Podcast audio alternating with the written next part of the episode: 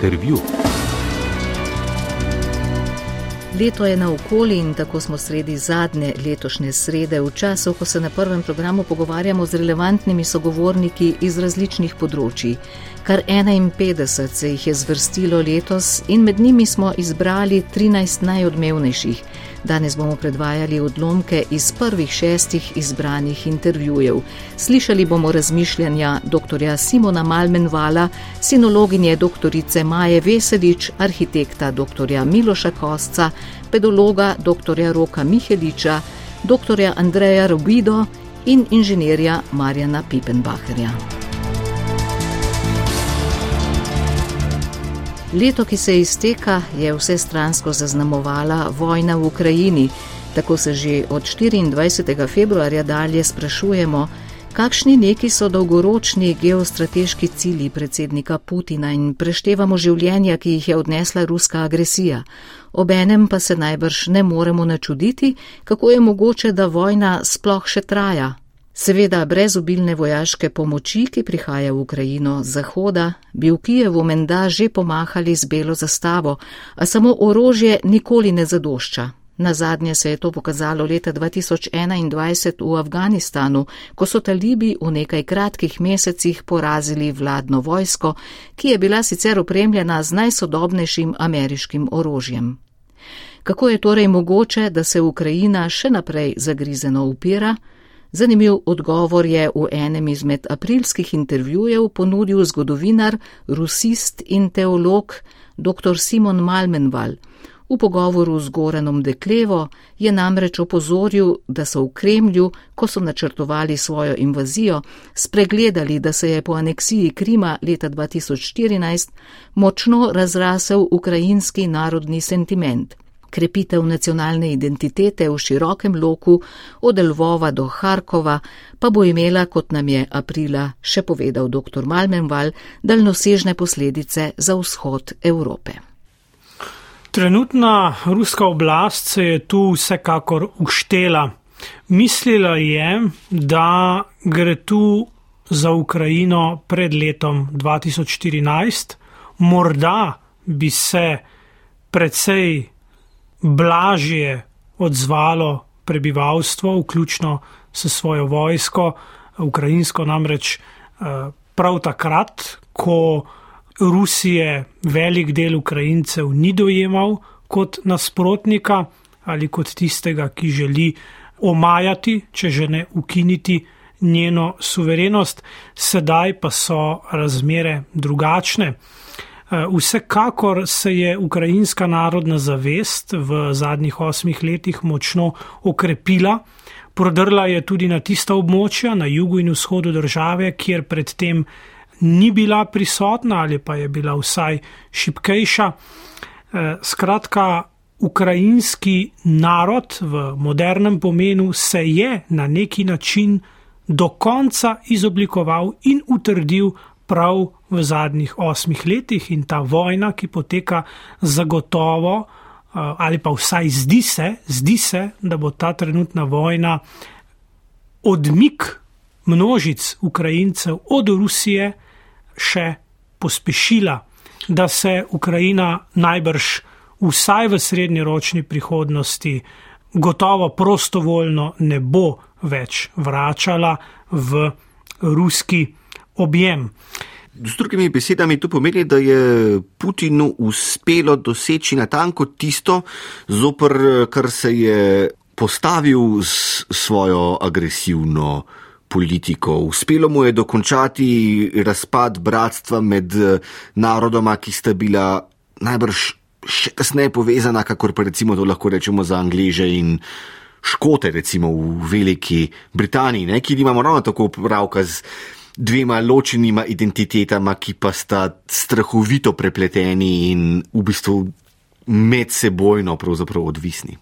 Res je ta primerjava med eh, Škoti in Angleži je zelo na mestu, nekaj podobnega bi lahko rekli tudi za Švede in Dance ali Srbe in Črnogorce. Eh, skratka, tu so zgodovinsko, kulturno, jezikovno, tudi sorodstveno vse zadnje eh, razmere okoliščine med sabo zelo prepletene, vendar da, strinjal bi se z vašo oceno, da je Putinu uspelo storiti prav to, proti čemur se je boril. To so seveda paradoksi zgodovine, ki jih imamo na tem svetu polno.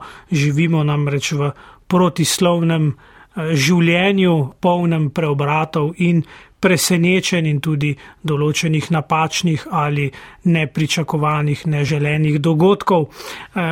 Seveda Rusijo, vsaj sodobno Rusijo, samo po sebi, vsaj na retorični ravni, deklarativni ravni, ne moti, da je Ukrajina nominalno samostojna država in da ima ta država v svojem okviru in, in z vsemi svojimi institucijami naklonjenost in podporo v odnosu do obstoja ukrajinske narodne identitete kot take.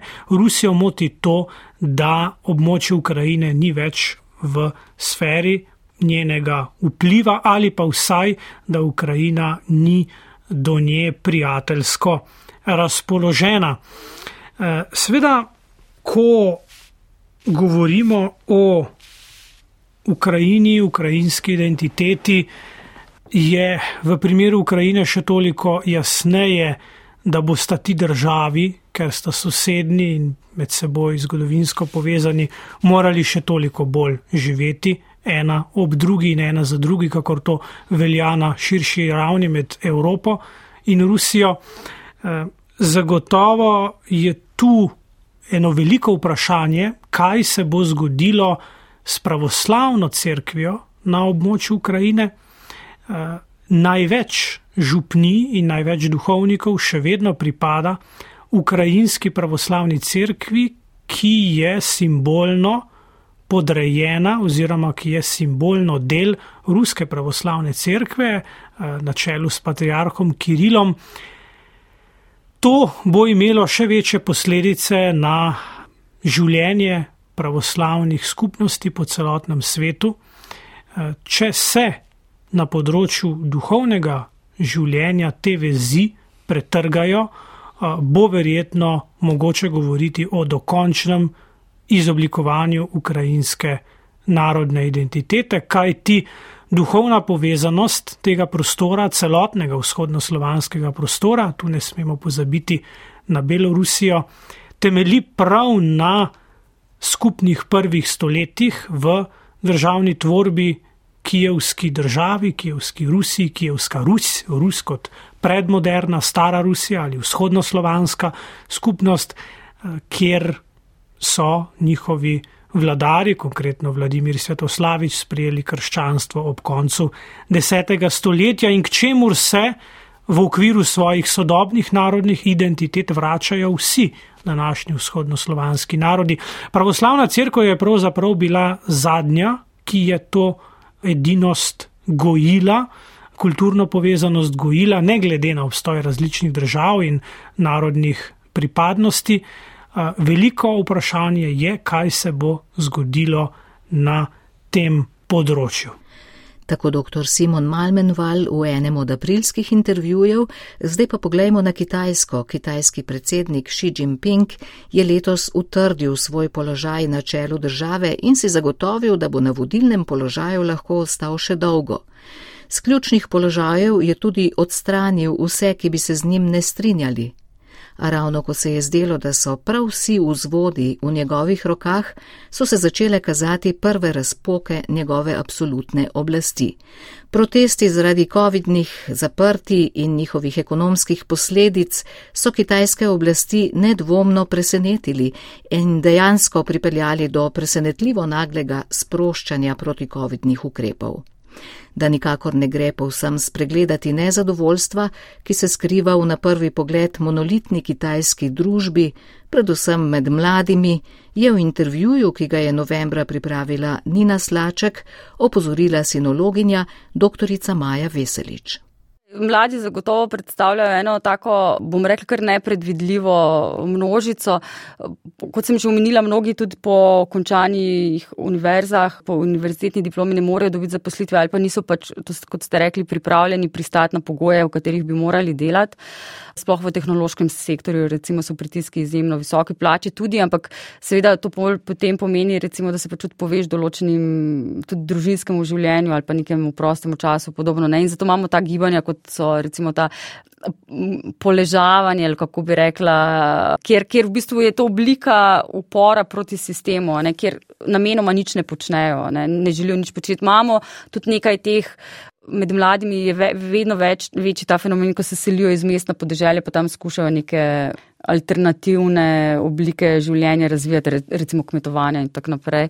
Potem je tu cela diskusija na kitajskem spletu o nekaj, kar bi rekli mi begologija, v angliščini je run, runology, ker v bistvu run šve, run je eh, pač kitajski izraz, ki sicer drugače pomeni dobiček, profit, je pa kot run v angliščini, r-un, je ta kitajska latinizacija tega izraza in v bistvu je tu cela debata o tem, kako uiti, kako pobegniti, kako stopiti ven iz tega kroga.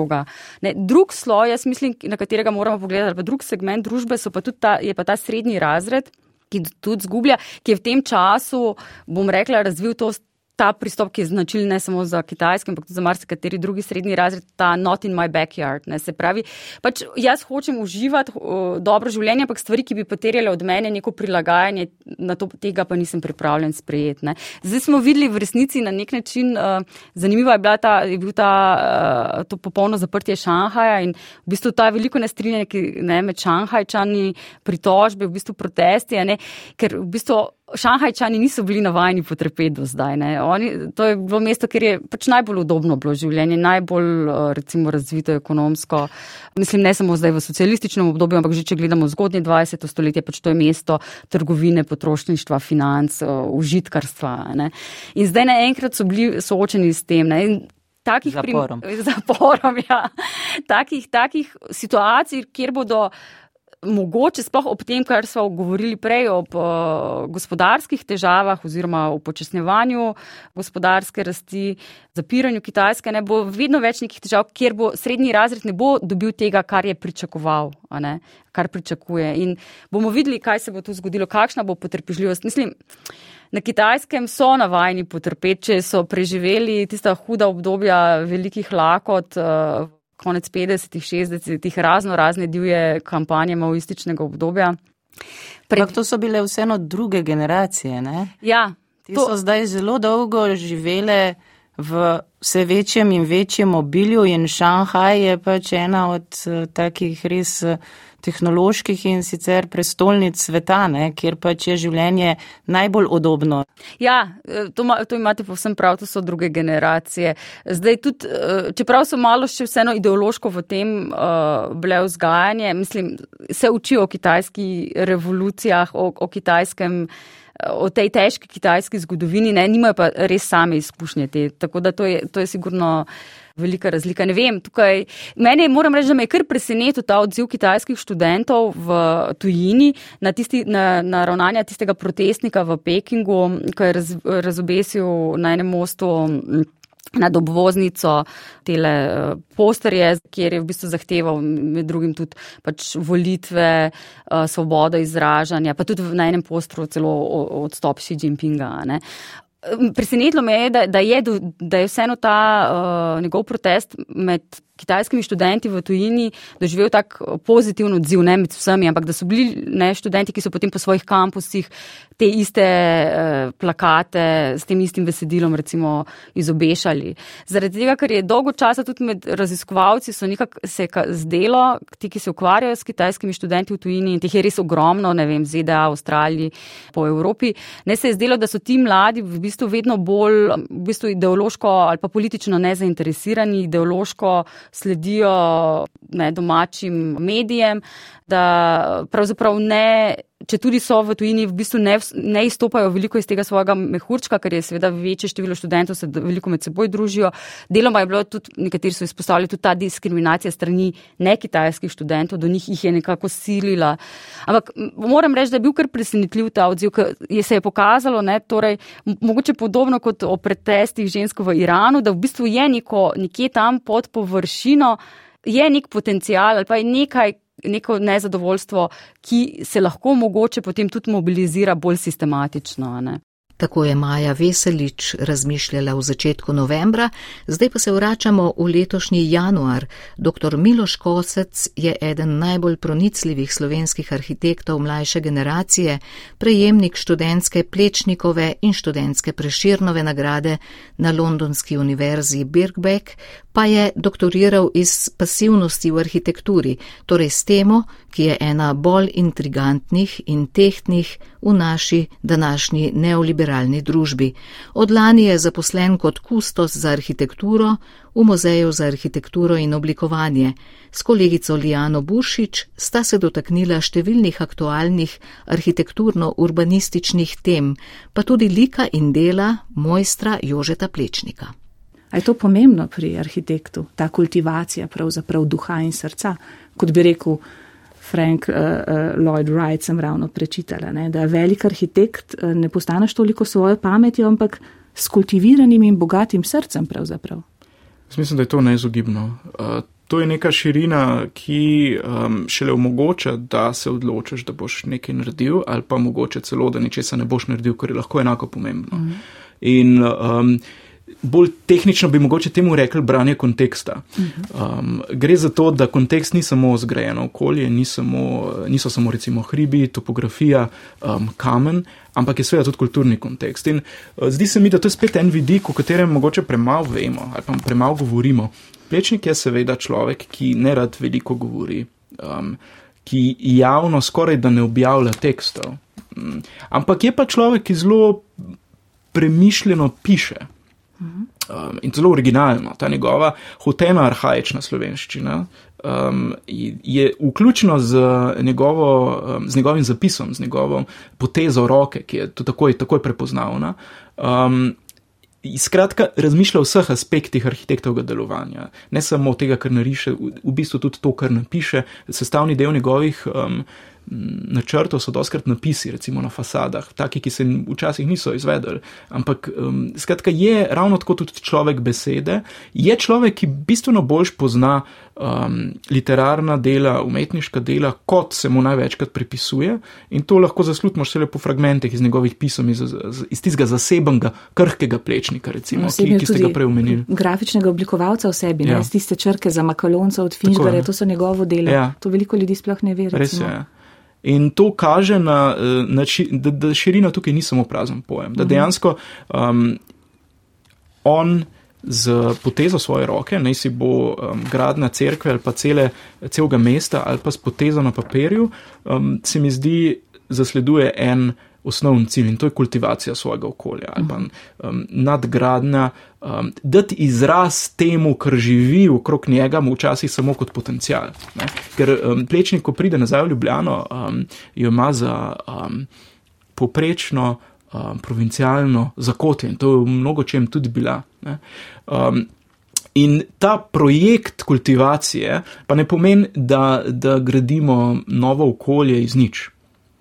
Zato, da lahko plečnik po eni strani privzame dragocene stvari, ki obstajajo. Vemo, da ne podre stare crkvice uh, v prekmurju, ampak je vključ v, um, v Bogojini, ampak je vključ v novo, večkrat večjo crkvo kot pred dverje, da ima, da ima v enem zelo spoštljiv odnos do uh, dediščine, po drugi strani pa sposoben. Um, tisoč let stare objekte podred, kadar se mu zdi, da niso primerni, um, da niso na nivoju tega, kamor poskuša svoje okolje privzdigati. Skratka, da lahko na eni strani izkaže tako ponižno spoštljivost in neko, danes bi temu rekli, arogantno destruktivnost. Um, More vrednotiti svet okrog sebe, more vedeti, kaj je dobrega, um, more vedeti, kaj je vredno obdržati in kaj v bistvu je treba um, nadgraditi, ustvariti na novo. In v tem, mislim, to je nekaj, kar um, se recimo mladi študenti arhitekture, ko se znajdejo pred praznim listom, ki je najbolj strašno okolje za arhitekta, uh -huh. um, mogoče lahko razumejo. Ko imaš pred sabo nepopisan list papirja, ko se moraš odločiti, kaj boš naredil, um, to, je, uh, to je tista točka v arhitektovem ustvarjanju, v katerem te največkrat prevzame groza.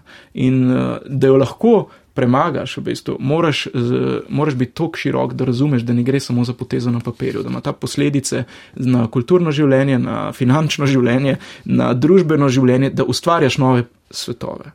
A vi še uporabljate svoje roke za risanje, skiciranje, arhitekti, ker zdaj je vse digitalno? Jaz še vedno uporabljam uh, roke za zapisovanje in za skiciranje.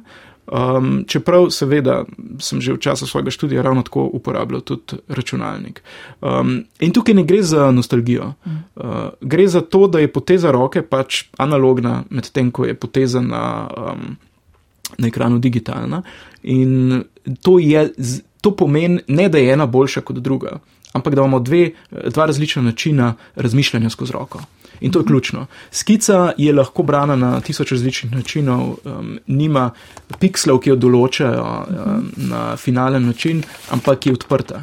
In ta odprtost skice, seveda, ne moramo, ne moramo obdržati te odprtosti skice do projekta, ker hiša, ki stoji, ne more biti odprta, ne more imeti odprtih sten, um, mora biti izolirana, ampak misel, dokler še ni prevedena v končno uh, hišo, uh, pa mora ostati odprta. Zato, ker vsak dober projekt ima vse nekaj, um, nekaj nedokončanega. Uh -huh. In um, zato mogoče um, je bil tudi ena taka moja strast. Um, Ko sem končal študij na Ljubljanski fakulteti za arhitekturo, objekt ruševine. No? Yeah. Ja. Ruševina pa je ta najbolj nedokončana, ali pa um, že dokončana, pa potem spet odpirajoča se hiša. In mislim, da pove ruševina veliko arhitekturi, no? ravno na tak način od arhitekture dr. Miloša Kostca zdaj k prsti oziroma k ohranitvenemu kmetijstvu, Docent dr. Rok Mihelič je zaposlen na biotehnički fakulteti na katedri za pedologijo in varstvo okolja. Je človek terena, raziskovalec, ki širi obzorja. Somišljeniki je pred približno dvema desetletjema v Sloveniji začel orati ledino na področju ohranitvenega oziroma regenerativnega kmetijstva, ki osnovno pozornost namenja tlom poglablja se v trajnostne prakse na področju kmetovanja, za katere pravi, da bi lahko rešile marsikatere zagate, s katerimi se spopada kmetijstvo, tako v smislu zniževanja stroškov, zmanjševanja izpustov do zmanjševanja odvisnosti kmetov od agrokorporacij. Prisluhnimo delčko intervjuja, ki ga je imela Jernejka Drolec z dr. Rokom Miheličem v letošnjem aprilu. Najprej njegov pogled na svobodo. Kle gradimo v ohranitvenem kmetijstvu eh, skupnost svobodnih ljudi. Marko Pogačnik je po televiziji, sem ga slišal, rekel zelo zanimivo reč, kaj pomeni svoboda eh, v osnovi. Svoj bodi pomeni to. Ne? Bodi svoj, najdi bistvo samega sebe. In s to svobodo eh, se pravi, gradimo tudi odgovornost. Ali sem sposoben biti sam svoj ali bom služabnik drugemu? No, to je izredno pomembno vprašanje um, v tem času, ne, ko pravzaprav je toliko zunanjih dejavnikov, recimo, ki vplivajo na kmeta in vemo, stalno tarnajo kmetje, da so zadnji v verigi, da dobijo najmanjši delež uh, pri tej proizvodni hrane. Uh, tako da bi resnično bilo dobro stvari postaviti malce drugače, da bi se tudi ohranilo to kmetijstvo.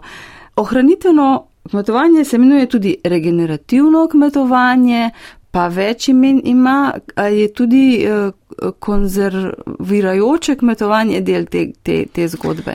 V bistvu, ja, eh, conservation agriculture je izraz eh, v angleščini. In, Ali je to samo zmeda z eh, terminologijo? To je zmeda mal s terminologijo. Conservation agriculture prevedemo pre nas ohranitveno. To, to je pravzaprav uh, sinonim. Seveda pa nekateri govorijo o konzervacijski obdelavi tal uh, in konzervacijska obdelava tal uh, pomeni obdelava v ožjem pomenu brez pluga, uh, vendar ni nujno, da je vsaka konzervacijska obdelava že del ohranitvenega kmetijstva. Ne. To je treba eh, tudi paziti. Ne. No, vi ste eh, tudi predsednik slovenskega agronomskega društva, med drugim organizirate strokovne kongrese, simpozije o izzivih sodobne agronomije. Kateri so te glavni izzivi? Je to vključevanje nove tehnologije v procese pridelave, eh, so klimatske spremembe, je še kaj več? Vsekakor To so vse uh, teme v spredju. Uh, v zadnjem času zelo uh, vstopa v spredje tako imenovan carbon farming, se pravi kmetovanje za zajem oglika, bi lahko rekli.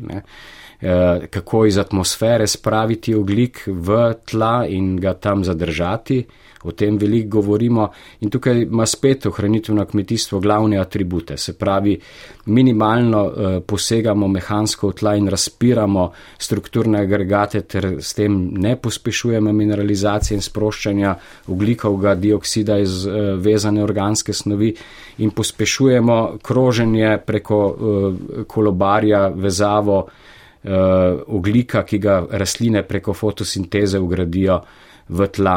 Ne, tako da skrbimo za pozitivno humusno bilanco. To so eh, pozitivne stvari ohranitvenega kmetijstva, tudi v smislu tega tako imenovanega carbon farminga. Kmetje bi bili lahko nagrajeni, eh, če bojo eh, vezali ogliko tla in zmanjšali eh, porabo fosilnih virov. Ne. S tem koristijo eh, celotnemu planetu. Ampak takih subvencij mislim, da trenutno še ni. Ne, takih subvencij trenutno še ni v uh, uradni eh, politiki, se pa pojavljajo zdaj uh, privatne pobude multinacionalk. Uh, Danone, Nestle, PepsiCo, uh, Microsoft uh, in podobni močno vstopajo na tržišče, ponujajo uh, tudi denar kmetom, da se vključijo v te sisteme.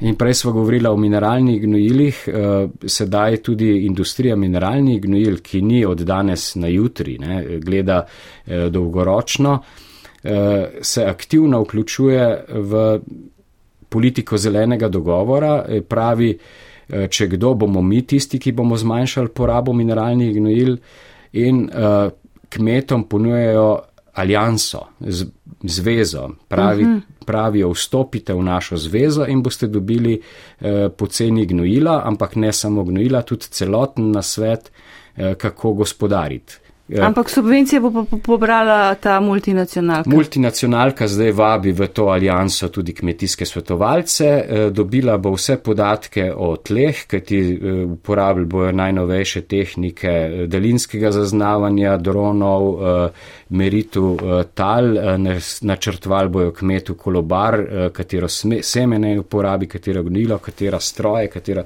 fitofarmacevtska sredstva.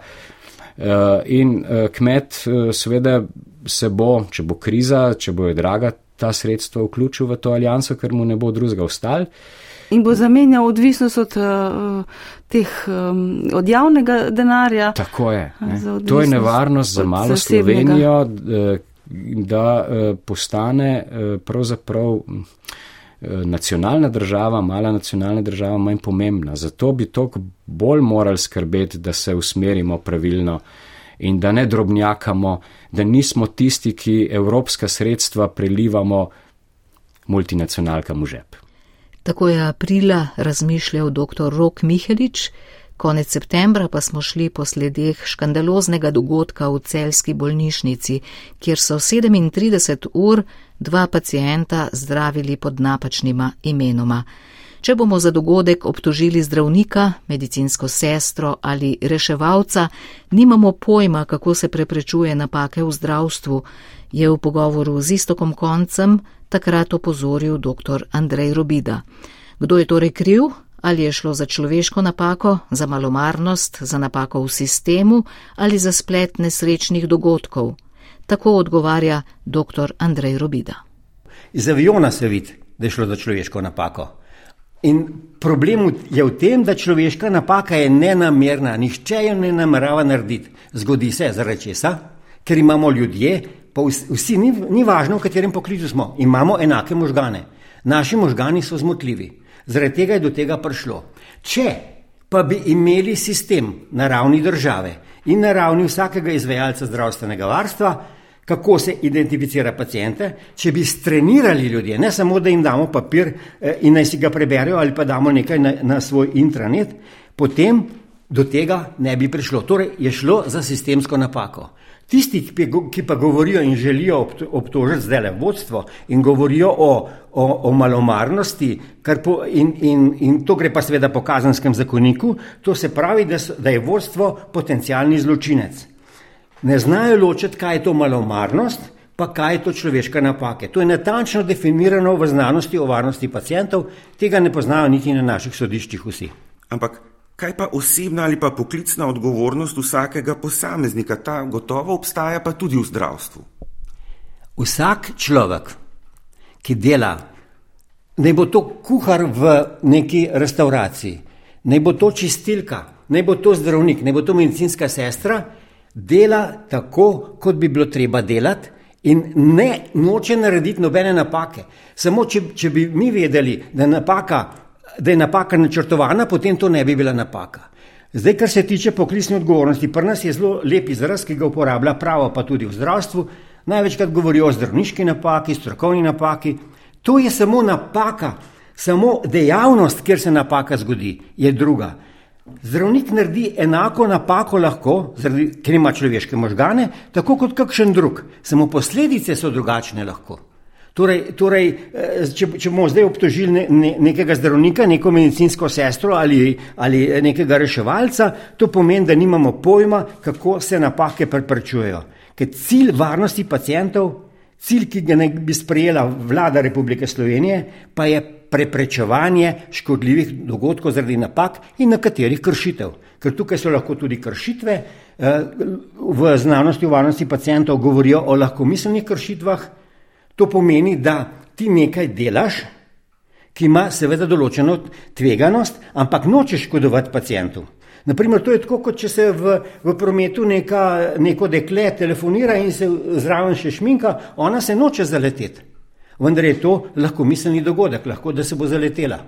In ravno to, če, če, če dovolite, bom šel malo na, na, na, na, na tisto, kar je zelo velik problem trenutno v Sloveniji, to so čakalne dobe.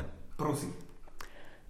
Čakalne dobe so bile zadnjič obravnavane na Brdu pri Kranju, kjer so ugotovili, da je nekaj ljudi na teh čakalnih dobih doba, dob, na teh čakalnih listah, ki so že mrtvi. Meni se je začudilo, kako se more mrtev človek na, upisati na, na tako listo. Se ne morejo. Upisali so se živi, ampak so v čakalni dobi umrli. To ni napaka. To je pa, kot se temu reče, uh, lahko miselni dogodek. Ker nihče ni pogledal, kaj se bo zgodilo, če bodo ljudje predolgo čakali. In, uh, in tukaj pa je odgovornost, seveda, odgovornost je pa tistega, ki je tak sistem čakalnih dob spostavil, uh, ker ni poskrbel, da teh čakalnih dob neprimerno dolgih ne bi bilo, je pa seveda odgovornost in kje je ta odgovornost vedno na vrhu, na vladi Republike Slovenije, na vseh vladah, ne samo na tej. In pa seveda, če ima vlada ministr za zdravje, najbrž na ministrstvu za zdravje. Doktor Rubida, že 20 let se intenzivno ukvarjate s kakovostjo v zdravstvu in pa z varnostjo pacijentov.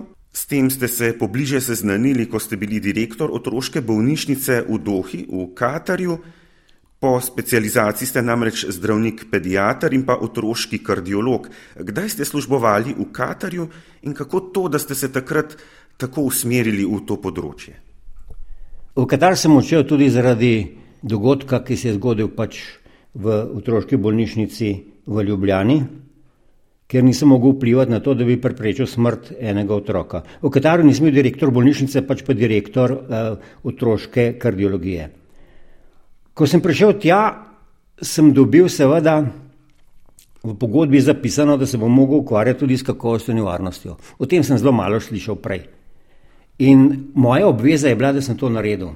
Potem sem se, imeli so tudi službo za kakovost, tam sem se malo pozanimal, potem sem začel pa brati tudi, tudi liter, literaturo z tega, z tega področja. In zdaj le, trenutno v Katarju, imajo tako v redu urejen, da bi se človek prste obliznil, če bi imeli to v Sloveniji. Področje je nujno treba urediti, Dr. Obida namreč poudarja, da v Sloveniji, če sledimo podatkom iz tujine, kar vsak deseti pacijent v bolnišnici doživi škodljivi dogodek, ki je lahko posledica predvidljive ali nepredvidljive komplikacije, žal pa tudi napake. Sredi poletja smo se ozirali na Hrvaško, kjer so odprli 2404 metre dolg most, ki je povezal polotok Pelješac s celino. Projektiral ga je slovenski inženir Marjan Pipenbacher, ki je avtor več kot 200 mostov v Sloveniji ter v širši evropski regiji. Poleg omenjenega projekta na Hrvaškem sodeluje pri projektu v Turčiji, projektira pa tudi železniška viadukta pri Črnem kalu. Sam pravi, da ljudje gradijo preveč zidov in premalo mostov. Pri projektu Pelješac je svojim delom pripomogel k reševanju 300 let starega problema, s katerim so se spopadali naši južni sosedje. To je vseeno projekt, ne? Tako kot je predsednik vlade Plenković zelo lepo rekel eh, lani julija, ne, ko smo most končno spojili. Ne, ne, je rekel, to je most eh, vseh političnih opcij in petih trenutnih vlad na Hrvaškem. Ne. Sveda, jaz sem avtor tega, rekel sem si tam zamislil, jaz sem ga zasnoval. Pri nas je bil tudi rekel, zdizajniran, sprojektiran, eh, vse statične, dinamične analize so bile rekel, napravljene pri nas. Ne. Ampak vseeno ne, smo imeli v bistvu skozi sodelovanje z fakulteto iz Zagreba, ki je tudi bilo zelo vredno, tudi zelo vredno. In pa tisto, kar je bilo zelo važno, eh, skozi smo sodelovali z, z nadzornimi inženirji, ti, ki so bili dejansko na gradbišču in ki so uh, imeli nadzor, nadzor nad gradnjo, ker jaz sem bil naprimer enkrat ali pa dvakrat na mesec na mostu, po dva do tri dni, da se pravi, takrat smo tudi obdelali vse probleme ali pa vse, vso problematiko, ne vem, za naslednji mesec, mislim v tehnološkem, tehničnem smislu. E, tako da na koncu se je tu eh, formiral en kar lep tim, ne, to se pravi v projektanskem smislu. In tisto, kar je bilo, ne, Meni je bilo zelo važno, vete, da, da smo imeli eno odprto diskusijo. Se pravi, da, da ni bilo nekih skrivanja problema. Ne. Če je problem, ga odpremo in v njemu diskutiramo, ne pa da ga skrivamo in potiskamo. No, ampak sedaj vsaj vemo, koga poklicati, ne, če pride do novega konflikta med Slovenci in Hrvati. Kdo gradi mostove? Torej? Pelješac predstavlja en taki, rekel, dejansko eh, most, ki spada v, rekel, v ta svetovni rang. Ne zapravi, da spada tudi v končni fazi med pet največjih evropskih mostov, ki preko morskih zalivov, ki so zgrajeni v začetku 21. stoletja.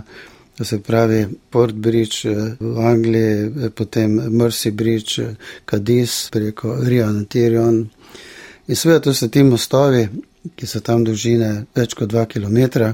Vsi ti mostovi imajo navadno izredno zahtevna temeljenja ker so rekel, na morju, to se pravi, so izpostavljeni močnim vetrovom, posebej na Hrvaškem, ker je izredno močna burja in pa potresi. Predvidevam, da je bilo narejenih tudi veliko analiz eh, testov. Ne? Tukaj so tudi eh, vremenski izzivi, tudi nevarnost trčanja plovil. Za ta most so v bistvu karakteristične tri obtežbe. Ne. Potres, ki je dejansko merodajna obtežba za demiznire tega mostu, potem veter, ne, ki pomeni tudi problem zaradi uporabnosti objekta, in pa tretjič ship eh, impact, to se pravi udar plovil. Ne. Narejena je bila maritimna študija, napravili so jo v reki, kjer smo v bistvu omejili ladje. Prost prehod ladje na 10.000 ton in bi rekel hitrost plovbe tam do 3-4 knote vozle, ne, to pomeni tam nekaj 8-9 km na uro. E, Medtem ko velike ladje, ne, v bistvu nimajo prostega vstopa v ta prostor, če pa že, pomeni pa, da dobijo v bistvu enako kot vstopo v luke, kot bi naprimer v luko Koper, ne? s tem pa, da Bog ne daj, ne, da bi ti ogromni kruzeri zapluli v ta, v ta lepi prostor, v taki zaščite za Natura 2000, kjer so v bistvu školčišča, kjer so soline, ker je v bistvu maksimalno vse ohranjeno, ne, morje globine samo 27 metrov ne, in vsi te velike ladje, kruzeri, ne, to, to imajo ugres eh, od 15 pa tam celo do, berko te velike tvorne ladje do 18 metrov. Ne, in praktično vsako obračanje s tem propelerji kompletno dvignajo rekel, iz, iz tal mul, če si pogledate včasih v Kopru. Ne. Dolžina mostu je 2404 metre, širok malo manj kot 24 metrov, celotna investicija je vredna več kot 420 220 milijonov evrov. Od tega v bistvu dobi Hrvaška 85% nepovratnih sredstev, ne, okrog 357 milijonov in to jim je zelo, zelo dobro uspelo. Ne. Z Marjanom Pipenbacherjem se je konec junija v intervjuju na prvem pogovarjal Marko Rozman in z odlomkom iz tega intervjuja zaključujemo prvi del sprehoda med najodmevnejšimi intervjuji leta, ki se izteka. Prav vse intervjuje, v katerih odlomke ste slišali, najdete v arhivu na spletni strani prvega multimedijskega centra RTV in med podcasti poiščite radijski intervju. Prihodnjo sredo vabljeni k poslušanju drugega dela izbora najodmevnejših intervjujev leta 2022.